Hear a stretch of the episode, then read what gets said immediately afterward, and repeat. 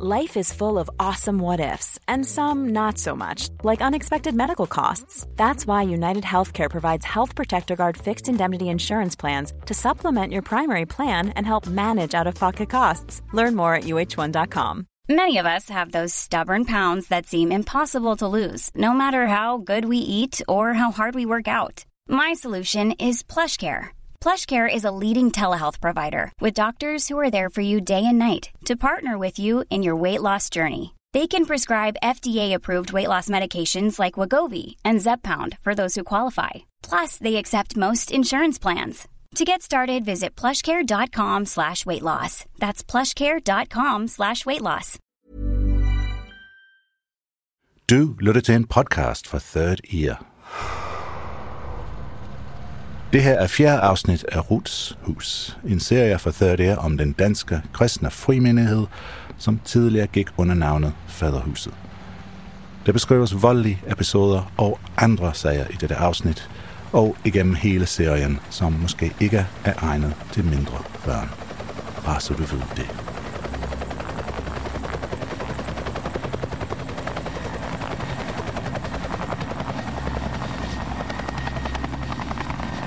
Det er den 1. marts 2007.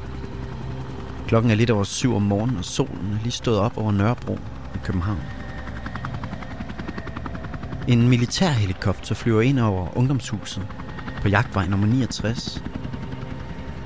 Den hænger over det sortmalede og barrikaderede hus, mens en gruppe specialtrænede politifolk firer sig ned på det flade tag.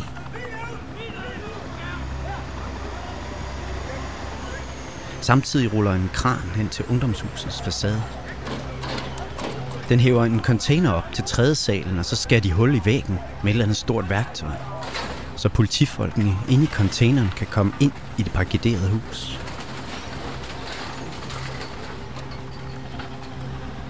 Og så kører en rendegraver op på bagsiden af huset og smadrer huller i væggen, så vandkanoner kan køre frem og spule vand ind. Og så kommer tårgassen, løber der, hvad der ligner specialstyrker rundt over ved ungdomshuset med masker og pandelygter på hjelmene. På få minutter er ungdomshuset fyldt med bevæbnede politifolk fra aktionsstyrkerne.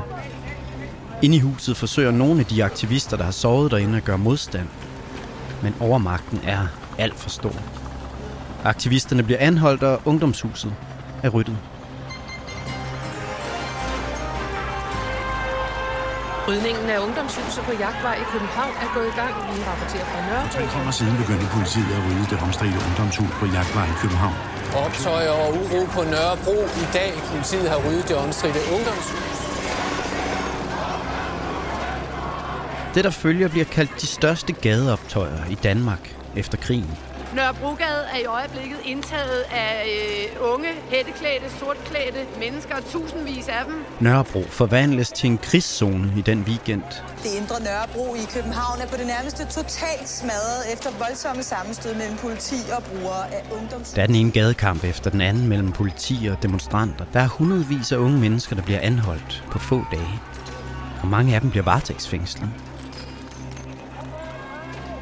Et af de unge mennesker, der blev anholdt og varetægtsfængslet dengang, det var mig. Jeg blev taget i den første demonstration, der var om eftermiddagen, efter at ungdomshuset var blevet ryddet om morgenen. Det var før gadekampen rigtig startede. Og rent geografimæssigt, så befinder vi os altså på Nørrebrogade. Jeg gik i en demonstration på Nørrebrogade og ledte efter nogen, jeg kendte. Da en række hollændervogne kom ind fra en sidegade og skar demonstrationen over. Så se, Lotte, at der kommer forstærkning fra politiet her. Man har simpelthen trukket tilbage for at lokke øh, demonstranter ind i et, en lomme her, og så er man så kommet kørende ind fra siden. Det var det, som politiet senere døbte kniptangsmanøvren. Alle, der var omkring mig, blev anholdt cirka 50 i alt. Ingen gjorde modstand. Vi fik strips på, blev sat i futtog og kørt væk i en af de helt store grønne politibusser. Og de fleste af os endte med at blive varetægtsfængslet.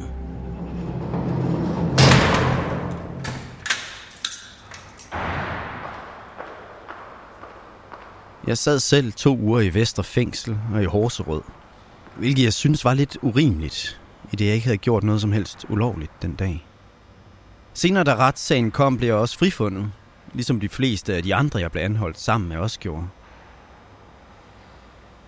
Jeg kan huske, at jeg sad i min fængselscelle og så på Nørrebro i brand på et lille 14-tommers tv.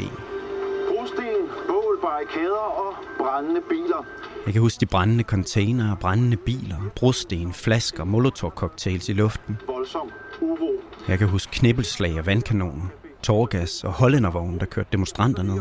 Masser af demonstrationer, masser af anholdelser, gadekampe og omfattende herværk.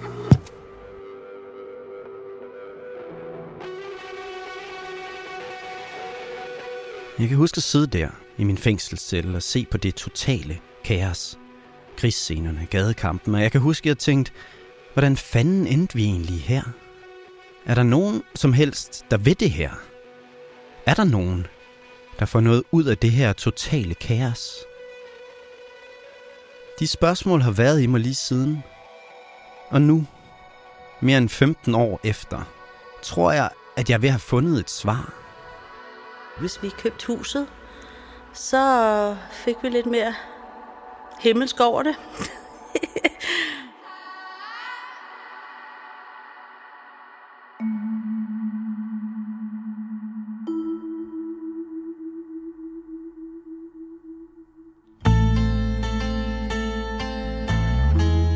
Velkommen til fjerde afsnit af Ruts Hus. Hvis du ikke allerede har hørt de første tre afsnit, så stop her og gå tilbage og hør dem først. Den serie kommer gratis ud til alle vores lytter, og også til alle dem, som har tegnet abonnement på Third Ear. Find ud af, hvordan du abonnerer på Third Ear på thirdear.dk. Christa Moltsen har sat sig for at finde ud af alt, hvad han kan om den lukkede og tilbagetrukne gruppe, som engang hed Faderhuset og om hvad det er, som motiverer dens karismatiske leder, Ruth Evensen. Vi skal dybere ned i Ruths psykologi.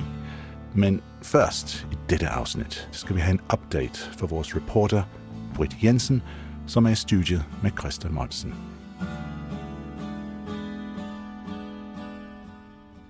Hvis du er interesseret i at høre sandheden om faderhuset, så synes jeg, du skal lytte med her. Hej Britt. Hej Christa. Det er tid til en update med dit research. Ja, jeg har kigget TikTok. I overskrifter, hvad kan du fortælle mig om Debbie og Daniel ved at have kigget på TikTok? Den første vigtige ting, synes jeg, er, at både Debbie og Daniel er begge to i familie med Ruth.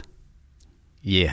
Daniel er Ruths barnebarn, og Debbie, hvad er hun? Hun er datter af Christina Jarling, og Christina Jarling er Ruths niese. Okay, så Daniels farmor og Debbies mormor, de er søstre. Ja. Ikke? Jo, så Debbie og Daniel er grandfædre kusiner. Okay. Så vi vil faktisk gerne sige, hvordan vi har oplevet faderhuset, som nogen, der selv har været med og har været børn ja. i faderhuset. Altså, jeg er så glad for at være opvokset i faderhuset. Ja. Det har været så fedt, og vi har haft det fantastisk. Hvad kan du ellers sige om dem? Så er Debbie og Daniel blevet gift. Det er bare en mega spændende dag. Er på rådhuset og skal til på hinanden. Ja. De var faktisk gift i forvejen, inde i deres egen religiøse gruppe. Ja, i faderhuset, der, kan man blive, der bliver man gift i sådan en seance derinde, ikke? Jo, så de betragter sig selv som gift allerede. Men så er de så også blevet gift på et rådhus i Danmark. Ja, Så lige se en flot bekendt blomst Ved du, hvor den er optaget, den video? Ja, altså man kan se på øh, et skilt i baggrunden, at det er fra Tønder, altså Sønderjylland. Aha. Ja. Så de blev gift på rådhuset i Tønder? Ja. Min teori er, at de kørte fra Tjekkiet til det sted, der er tættest på. Ja, fordi der er kun et par kilometer ikke, fra, fra den tyske grænse til Tønder. Jo. Faktisk så siger de ikke hvorfor, men jeg vil gætte på, at det har noget at gøre med, at de venter et barn. Skal du vil nødt til at sige det. Hvad er det, du holder skjult for os? Er det, at jeg er gravid? Ja! Klart. Ja, Debbie er gravid. Debbie er nemlig gravid. Glæder du dig? Jeg glæder os så meget. Helt vildt. Så fedt. Det er der rigtig mange videoer om os. Ja, dem har jeg set nogle af. Ja. Vi skal have en baby. Er det en pige eller en dreng? Først så er det en dreng på en scanning, men så kommer der sådan en stor overraskelse, og så er det faktisk en pige. Vi kommer ind, og så får vi bare en scanning, og så siger hun til os, at det bliver den smukkeste lille pige. Og så er jeg bare sådan, what? Det er løgn. Er det ikke vildt? Er du kommet tættere på at finde ud af præcis, hvor de er? Altså, de flytter sig jo meget, ikke? Mm. Men de er i hvert fald i nærheden af Daniels farmor, Ruth. Hej alle sammen, det I kommer til at se nu, det er sådan en video af min farmor, som hun har lavet, da hun var ude og gå en tur. Super fedt, det er sådan totalt spontant. Den kommer lige her. Hvis du synes, at den her video taler til dig, så synes jeg, at du skal tjekke hendes kanal ud på Rut TV. Jeg er ude at gå i regnvejr. Det er pragtfuldt. Jeg går og beder. Oh. Jeg tænker bare... Og det fører os jo også over på en anden platform, Ja, som er Rut TV. Rut TV. Rut TV, Yes. Som er Ruts egen platform online. Og det har hun lavet i mange år. Ja, det har hun lavet i masser af år. Så Debbie og Daniel er tæt på Rut. De laver videoer sammen med hende. Ja, Så Britt, skal du ikke til at se noget Rut TV nu? Så? Jo. For at prøve at finde ud af, om, om du kan finde ud af, hvor, hvor, hvor Rut er. Fordi altså er Debbie og Daniel der nok også, ikke? jo, det tror jeg bestemt. De må være sådan cirka samme sted. Det gør du. Det gør jeg. Og det er typisk Gud, ikke? Det er typisk det med, at han sætter mennesker fri. Mens Brit ser Rut TV, så skal vi tilbage i tiden. Til der, hvor Ruts historie om ungdomshuset starter. Den historie, der skal gøre Rut og faderhuset berømte i hele landet. Hvis man skal prøve at forstå, hvorfor Rut køber ungdomshuset, så er det vigtigt at forstå, hvor Rut er i slutningen af 1999.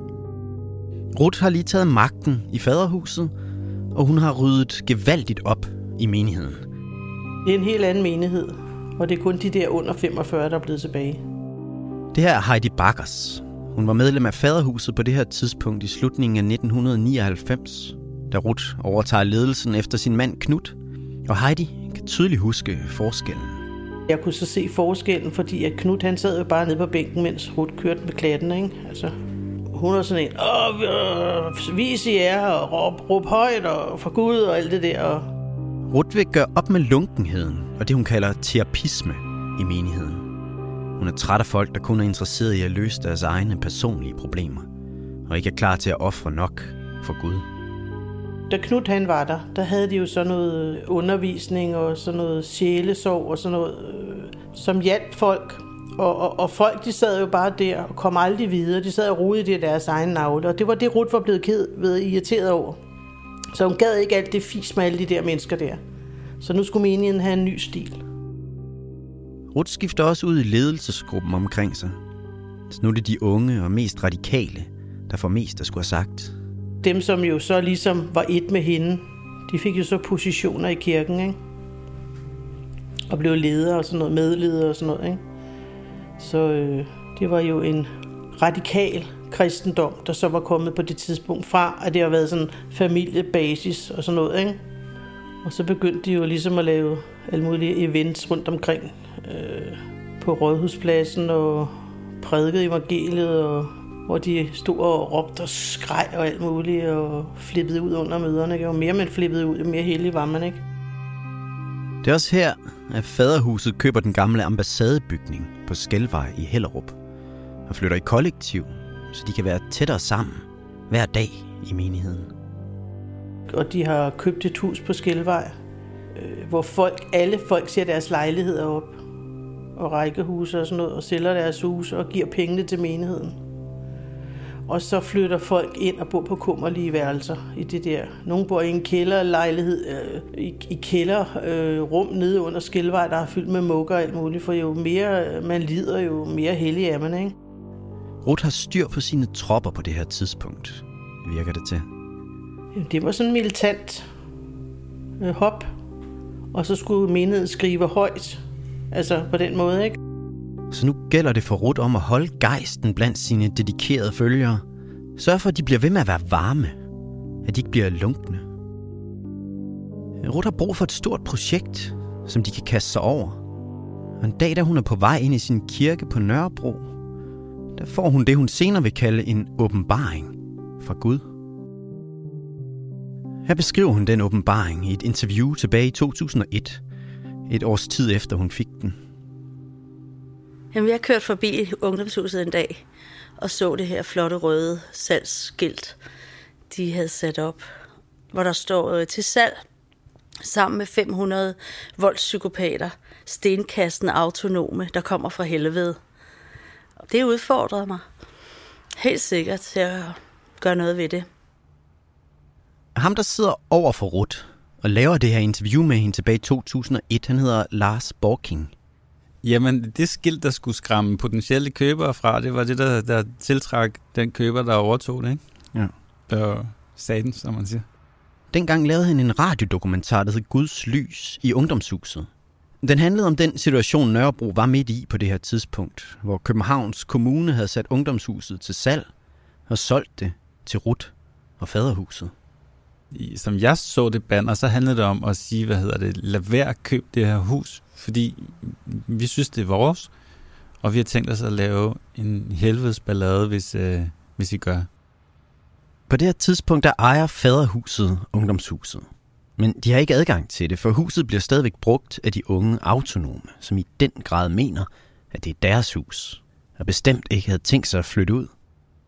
Der er også en retssag i gang på det tidspunkt, der handler om brugsretten til ungdomshuset, som de unge mener, at Københavns Kommune har givet til dem.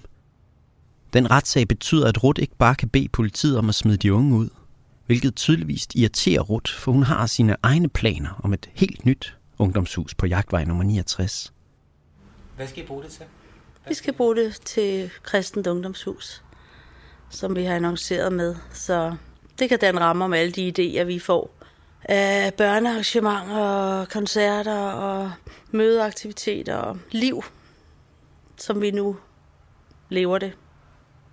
Jamen, jeg glæder mig til at komme i gang med at sætte det i stand og komme ind og få malet væggene lidt hvide og sådan, og få dæmonerne øh, vasket væk og på væggene og sådan nogle ting. Så det bliver godt. Lars Borking kommer også ind i ungdomshuset med sin mikrofon på det her tidspunkt i 2001.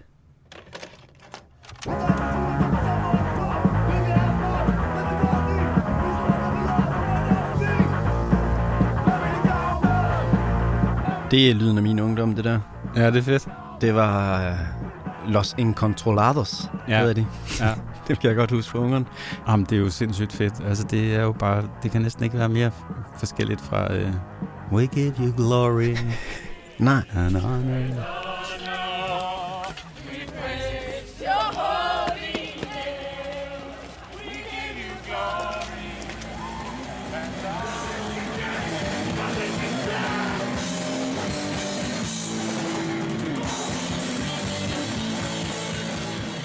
Jeg kom også selv ind i ungdomshuset, dengang faderhuset lige havde købt det.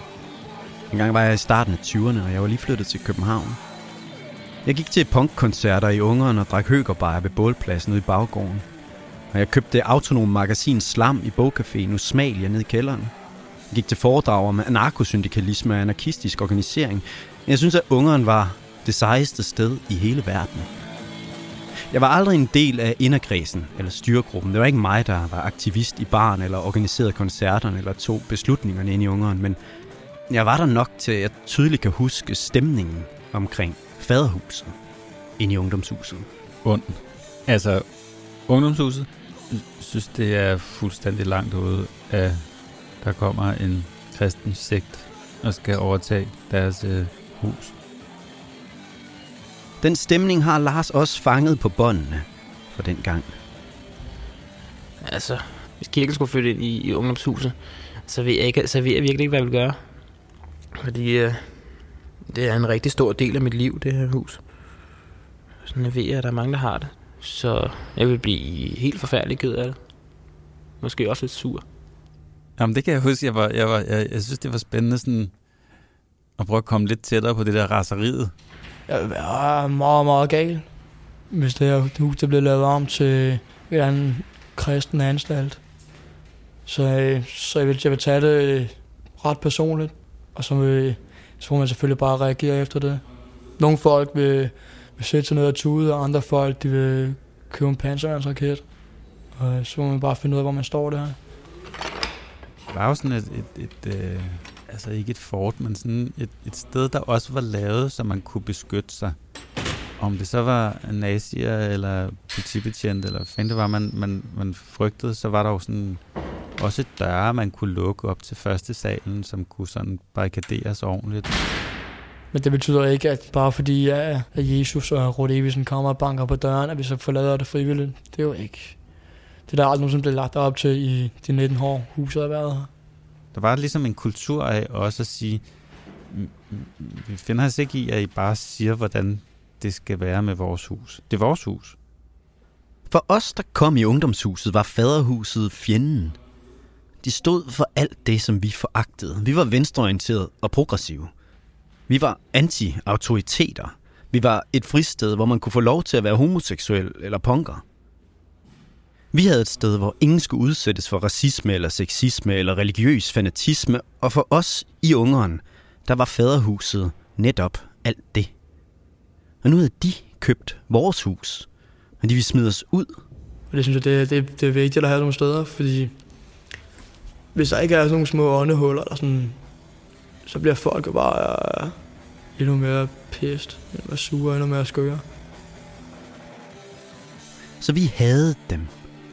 Og jeg har egentlig altid troet, at alle dem inde i faderhuset, de måtte have os lidt på samme måde. Men det var før jeg mødte nogle af dem, der var menige medlemmer i faderhuset dengang.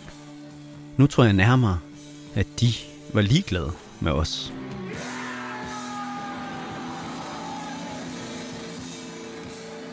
Jeg vidste ikke, hvad ungdomshuset var. Jeg havde ingen idé. Men det fyldte rigtig meget på alle vores møder. Der skulle vi altså bede for ungdomshuset. Så der blev bedt enormt meget for det her hus, og det var enormt vigtigt for Ruth, at Gud havde sagt til hende, at hun skulle købe det her hus. Købe det for at være med til at nedbryde det her satans alter, som ungdomshuset var, og det her oprør, som det var på Nørrebro. Det her er Camilla Louise Johnson, som vi har hørt fra før i serien. Hun var med i faderhuset dengang. Hun kom ind lige efter, at Ruth havde købt ungdomshuset. Hvis Ruth har hørt fra Gud, at det her skal ske, så bliver det også menighedens projekt. Så, så det, det, er ikke, det er ikke to forskellige ting. Men det er klart, det var Ruths hjerte, det var hendes vision, det var hendes projekt. Det var også hende, der bestemte, hvad der skulle ske med huset. Øh, det var hende, der købte det. Altså, det havde vi jo ikke noget at gøre med. Det er jo ligesom, hvis du har en CEO i, en, i et firma, ikke? så resten, det er bare ansatte, som skal hjælpe med at få visionen til at ske. Så det var vores rolle.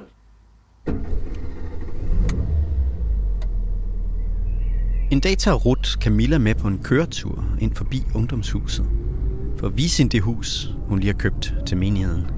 En dag tager Ruth mig med ind forbi og peger og siger, det er det der.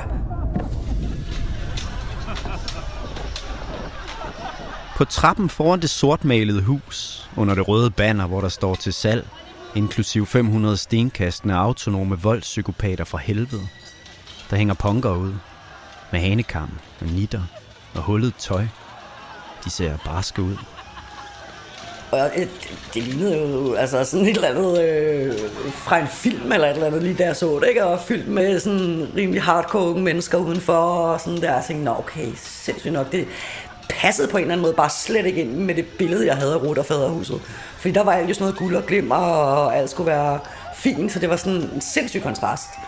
Og man kan sige, med det liv, jeg har levet, jeg har også boet en del på gaden og øh, ude på Amager og sådan noget på Sønderbro og sådan der så tænkte jeg faktisk første gang jeg så det, at jeg kunne lige så godt, eller måske snarere være end der, end i faderhuset, fordi det var mere det, jeg egentlig selv kom fra.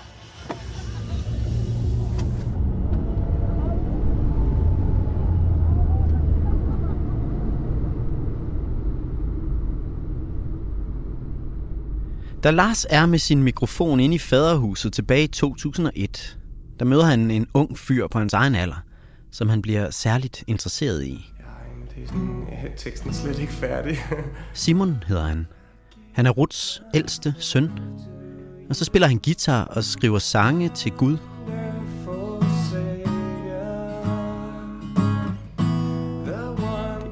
Jeg, jeg tror på, at Gud han kan forvandle den værste situation til noget godt, hvis man, hvis man, hvis man klynger sig til Gud i det.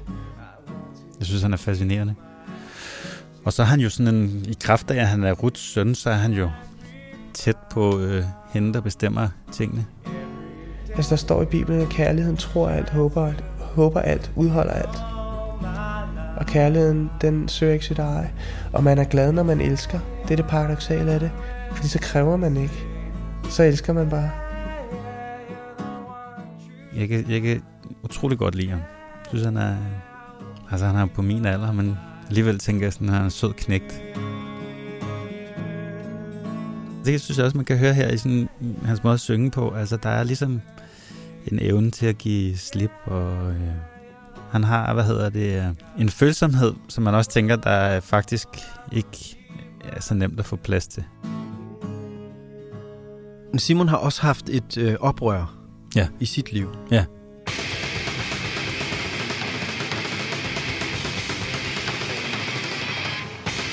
Da jeg var yngre, så lyttede jeg utrolig meget til, til metalmusik og til sådan hårdt musik. Og, og det, det korresponderer med det oprør, som var i mit eget liv. Og på det tidspunkt var jeg sådan, øh, altså, som så mange andre teenager, ligesom begynder sådan at prøve selv at finde ud af, ligesom, hvad jeg altså prøve at finde sin egen vej på en eller anden måde. Og har haft, haft meget oprør i mit liv i nogle år, og ligesom bare levet, som man kalder det, frafaldent. Det jeg forstod ved hans historie var meget det, at det øjeblik, han ikke havde gjort præcis som Ruth ville have, så blev han frosset ud. Det tænker jeg, det, det var for mig sådan en voldsom historie at høre om en, en dreng der, hvor hans egen, hans egen oplevelse var jo, at det var godt, fordi at hun på den måde havde vist ham, hvad der var det rigtige, og nu var han vendt tilbage og var rigtig glad for at være, hvor han var. Det, som jeg oplevede, det var, at jeg var utrolig følsom over for, for mennesker, og kunne slet ikke klare den der hårde måde, som mennesker er over for. Ja, den der ironiske distance og sarkasme, og at man ikke, at man ikke virkelig oplevede kærlighed. Så samtidig med, at jeg søgte ud i verden, så, så oplevede jeg også virkelig, at det gjorde ondt på mig. Ikke? Så jeg oplevede nogle konsekvenser af det, af, af mit oprør. Det var bare et ensomhed og frygt og angst. Øh, jeg ved, at mine forældre har sagt, øh, at de ville ønske, at de måske havde givet mig lidt mere disciplin. Jeg, jeg var for egen råd, ikke?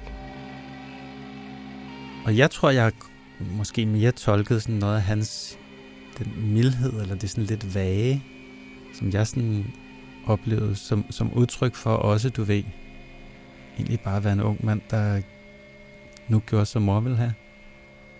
Ja. Og, og fundet en måde at leve med det, fordi der var ikke rigtig andet.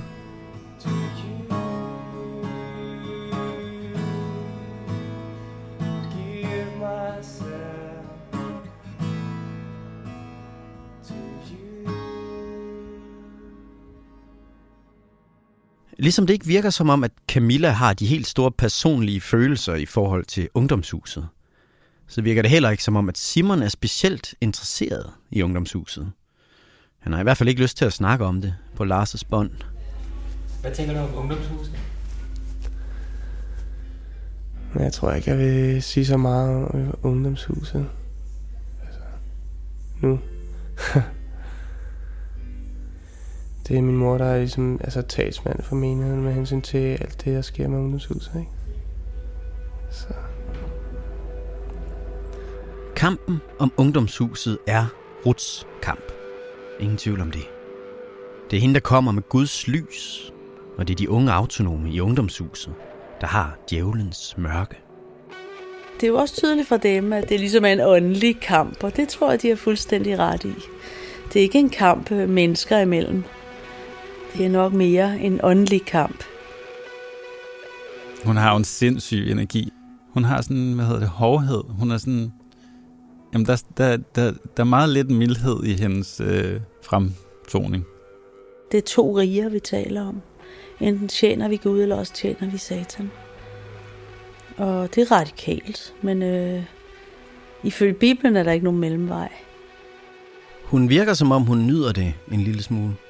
Ja, ja. Hun man ved hører godt. hendes stemme her. Ja, men det, det tænker jeg også. Hun er, hun er ligesom...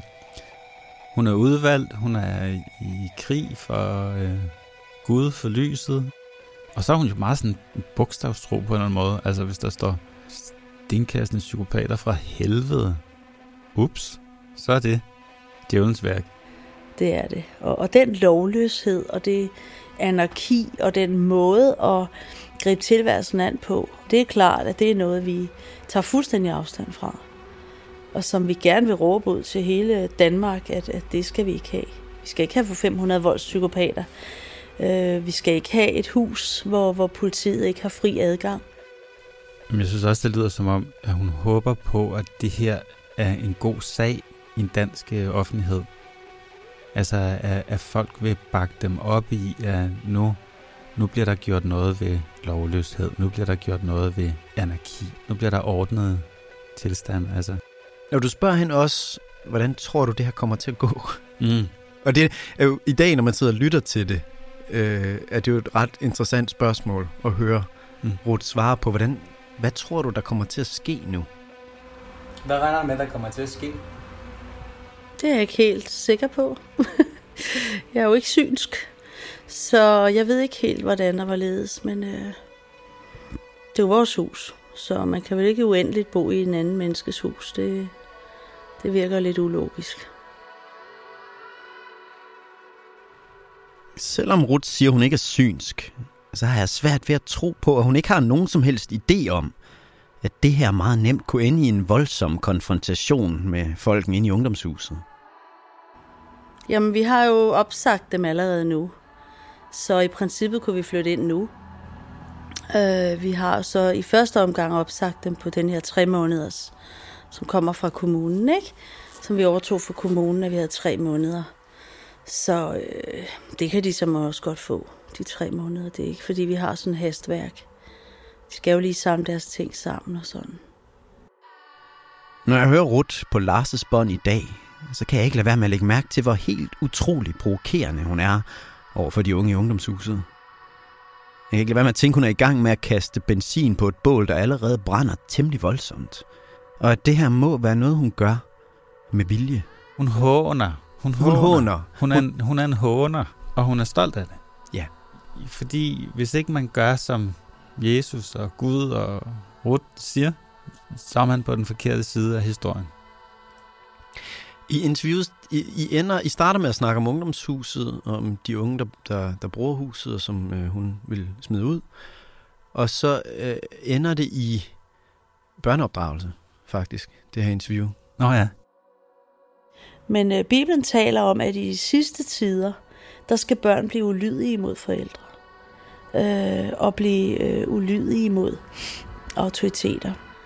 Øh, og det tror jeg at det samme oprør, som vi taler om, oprøret. Om det er et lille barn, der ligger og skaber sig og skriger på gulvet, eller om det er en, der ikke flytter ud af et hus, øh, som de ikke ejer, eller hvem det er, som bare totalt trodser. Hun siger, at det er et tegn på, at dommedag er lige om hjørnet. Ikke? Ja. At børn er oprørske over for deres forældre. Ja. Hvis de ligger og skriger på gulvet, så er det fordi dommedag er tæt på. Ja.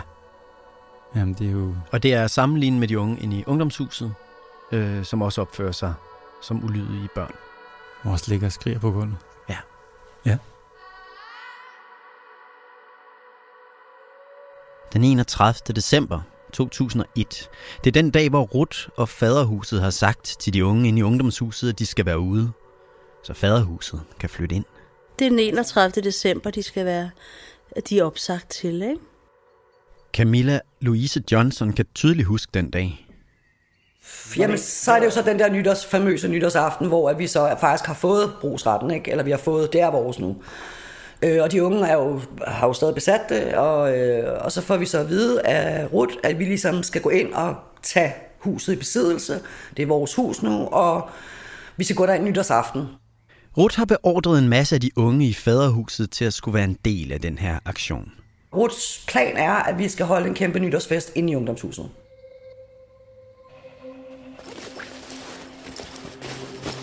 Hendes to sønner, Simon og Asbjørn, skal med.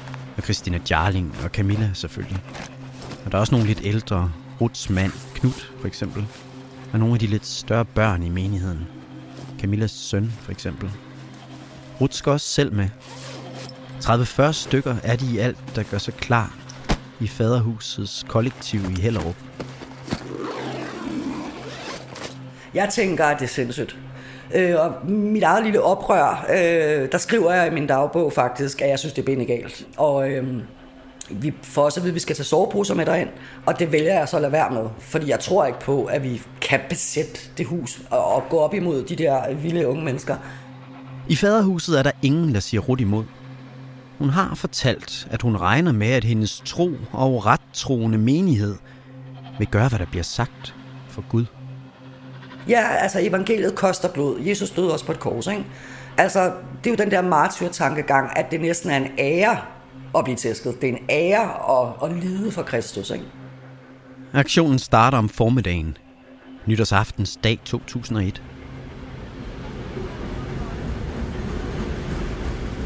Og det bliver sådan koordineret med sådan meget militær præcision. Vi skal tage afsted fra Hellerup øh, med toget.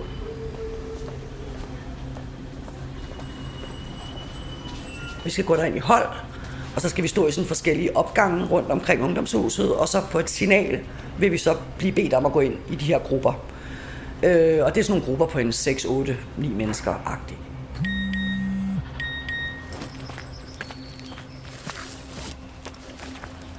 Så øh, går vi jo så derind, og øh, vi har en låsesmed med.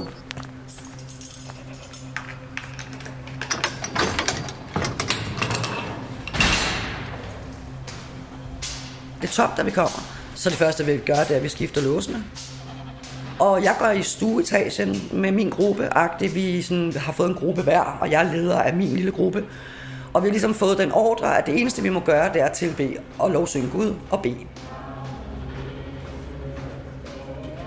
Vi må ikke være i vores frygt af vores ego. Vi må ikke i øvrigt heller ikke slå igen, hvis vi bliver angrebet. Vi må fuldstændig kun se på Jesus og tilbe. Og det gør vi. Vi står der med hinanden i hænderne, og vi synger og tilbærer. Og, og så kan vi jo så høre de her høje bankelyde ude foran.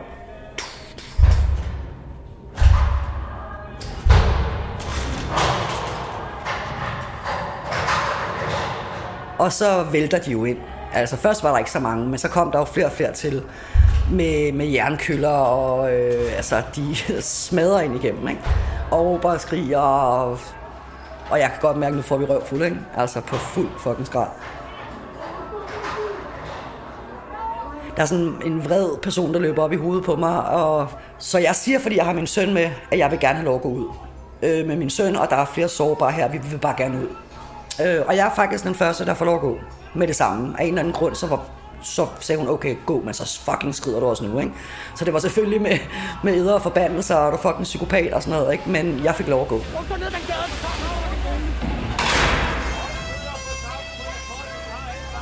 Fra den anden side af jagtvej kan Camilla stå og se resten af sine venner fra faderhuset blive smidt hårdhændet ud af ungdomshuset. Nogle af dem ned ad trappen. Jeg har set videoer af det, der er optaget dengang. Der er flere fra faderhuset, der har blødende sår i ansigtet. Et flækket øjenbryn, tøj, der er revet i stykker, et blåt øje. De ser skræmte ud. Og står der og ser, hvordan at folk bliver, smidt ud. Min, en af mine allerbedste kammerater i dag, øh, Jerry, han er fysisk handicappet, han er spastiker. Og han, han bløder, og han bliver tæsket. Øh, flere af de gamle altså folk derindefra får virkelig på muffen, ikke? Og mange må på hospitalet. Jeg kan ikke huske, hvor mange, men det er i hvert fald over 20 mennesker. Det er midt i det her scenarie, mens de forslåede faderhusfolk er ved at blive smidt ud på trappen foran ungdomshuset, at Lars møder op med sin mikrofon. Jeg tror, jeg blev ringet op af nogen, der sagde, at faderhuset var gået ind med låsesmed i ungdomshuset. Og så havde jeg optager derhjemme og nogle bånd og sådan noget, så, så cyklede jeg derned. Faderhuset står på trappen foran ungdomshuset, sådan stemmet sammen og er blevet sådan smidt ud.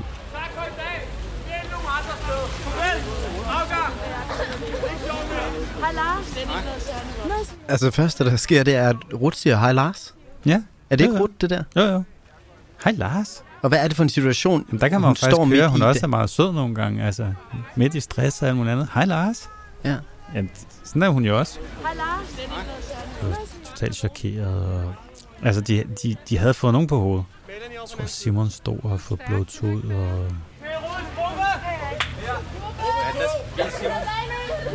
hej. Hvad er det, der er sket? Jeg har ikke lyst til at snakke om det nu. Okay. Lars Rød! Tak. Du er med, Simon? Ja, ja. Hvordan ser han ud? Jeg tror, Simon havde næsblod, hvis jeg husker rigtigt.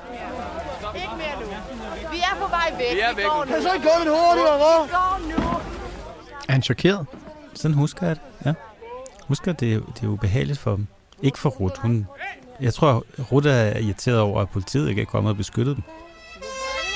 Det var. Det var. Pas lige på. Kirken prøver sådan at holde fast i øh, fællessang. Det er vel også en måde sådan at stive sig lidt af på og prøve at samle sig og finde noget energi som gruppe der, efter at være sådan lidt rystet. De har jo, det, det er jo ligesom gået galt, det er slået fejl. Jeg, jeg tror godt, Ruth vidste, der var en risiko for, at det ville udvikle sig på den her måde. Altså, det er svært ikke at tænke, at hun godt vidste, at det var risikoen.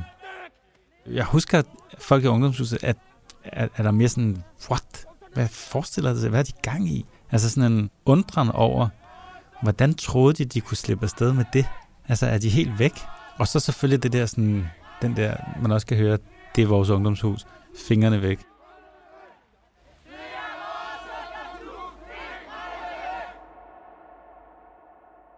Rut og folkene fra faderhuset trækker sig. De hopper ind i nogle biler ned ved runddelen og kører væk.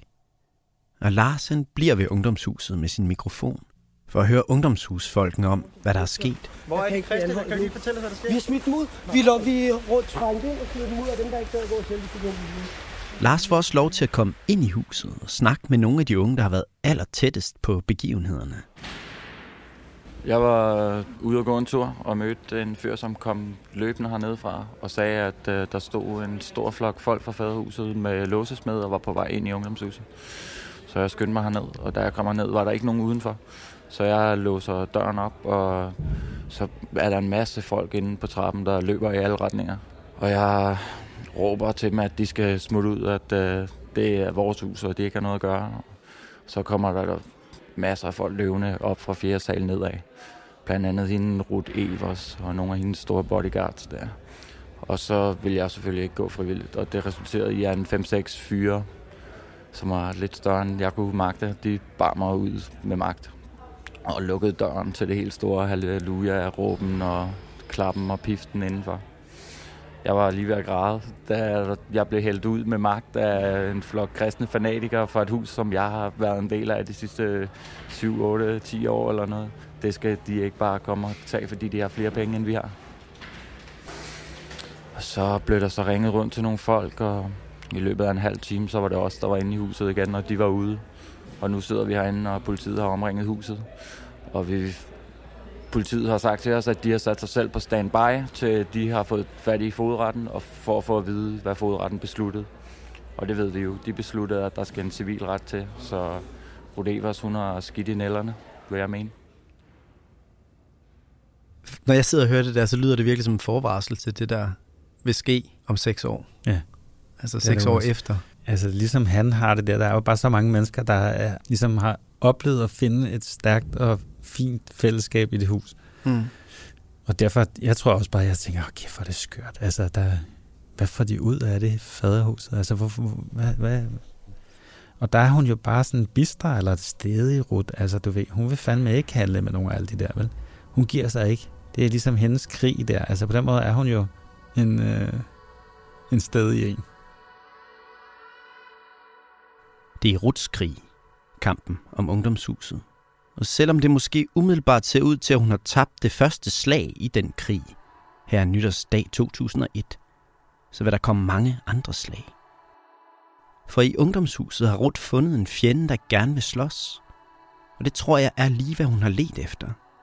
For Ruth, hun trives i kampens hede. Det er der meget, der tyder på. Hun leder efter kampe, hun opsøger dem, hun puster til ilden, hvis hun kan finde nogle gløder.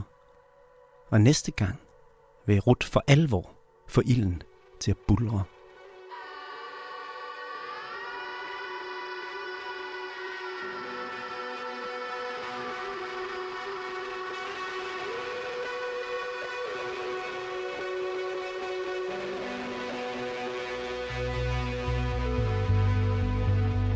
Vi har forsøgt at kontakte Ruth og andre i det tidligere faderhus, og de to TikToker Debbie og Daniel, for at få en kommentar. Indtil videre har vi ikke hørt noget tilbage.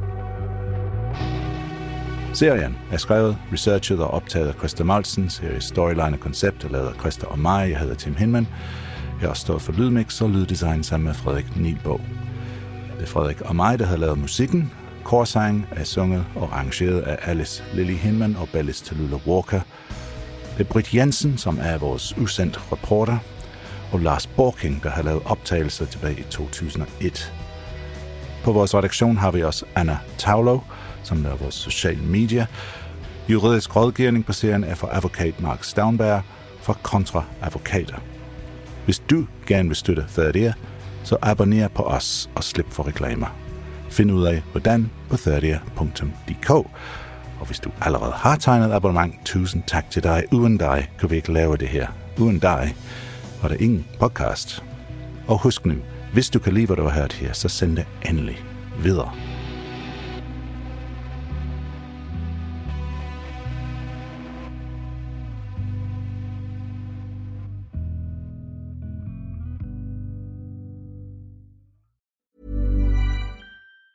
Hi, I'm Daniel, founder of Pretty Litter. Did you know cats tend to hide symptoms of sickness and pain? I learned this the hard way after losing my cat, Gingy. So I created Pretty Litter, a health monitoring litter that helps detect early signs of illness by changing colors, saving you money and potentially your cat's life. Pretty Litter is veterinarian developed, and it's the easiest way to keep tabs on your fur baby's health right at home. Go to prettylitter.com and use code ACAST for 20% off your first order and a free cat toy. Terms and conditions apply. See site for details. Hey, it's Paige DeSorbo from Giggly Squad. High quality fashion without the price tag. Say hello to Quince.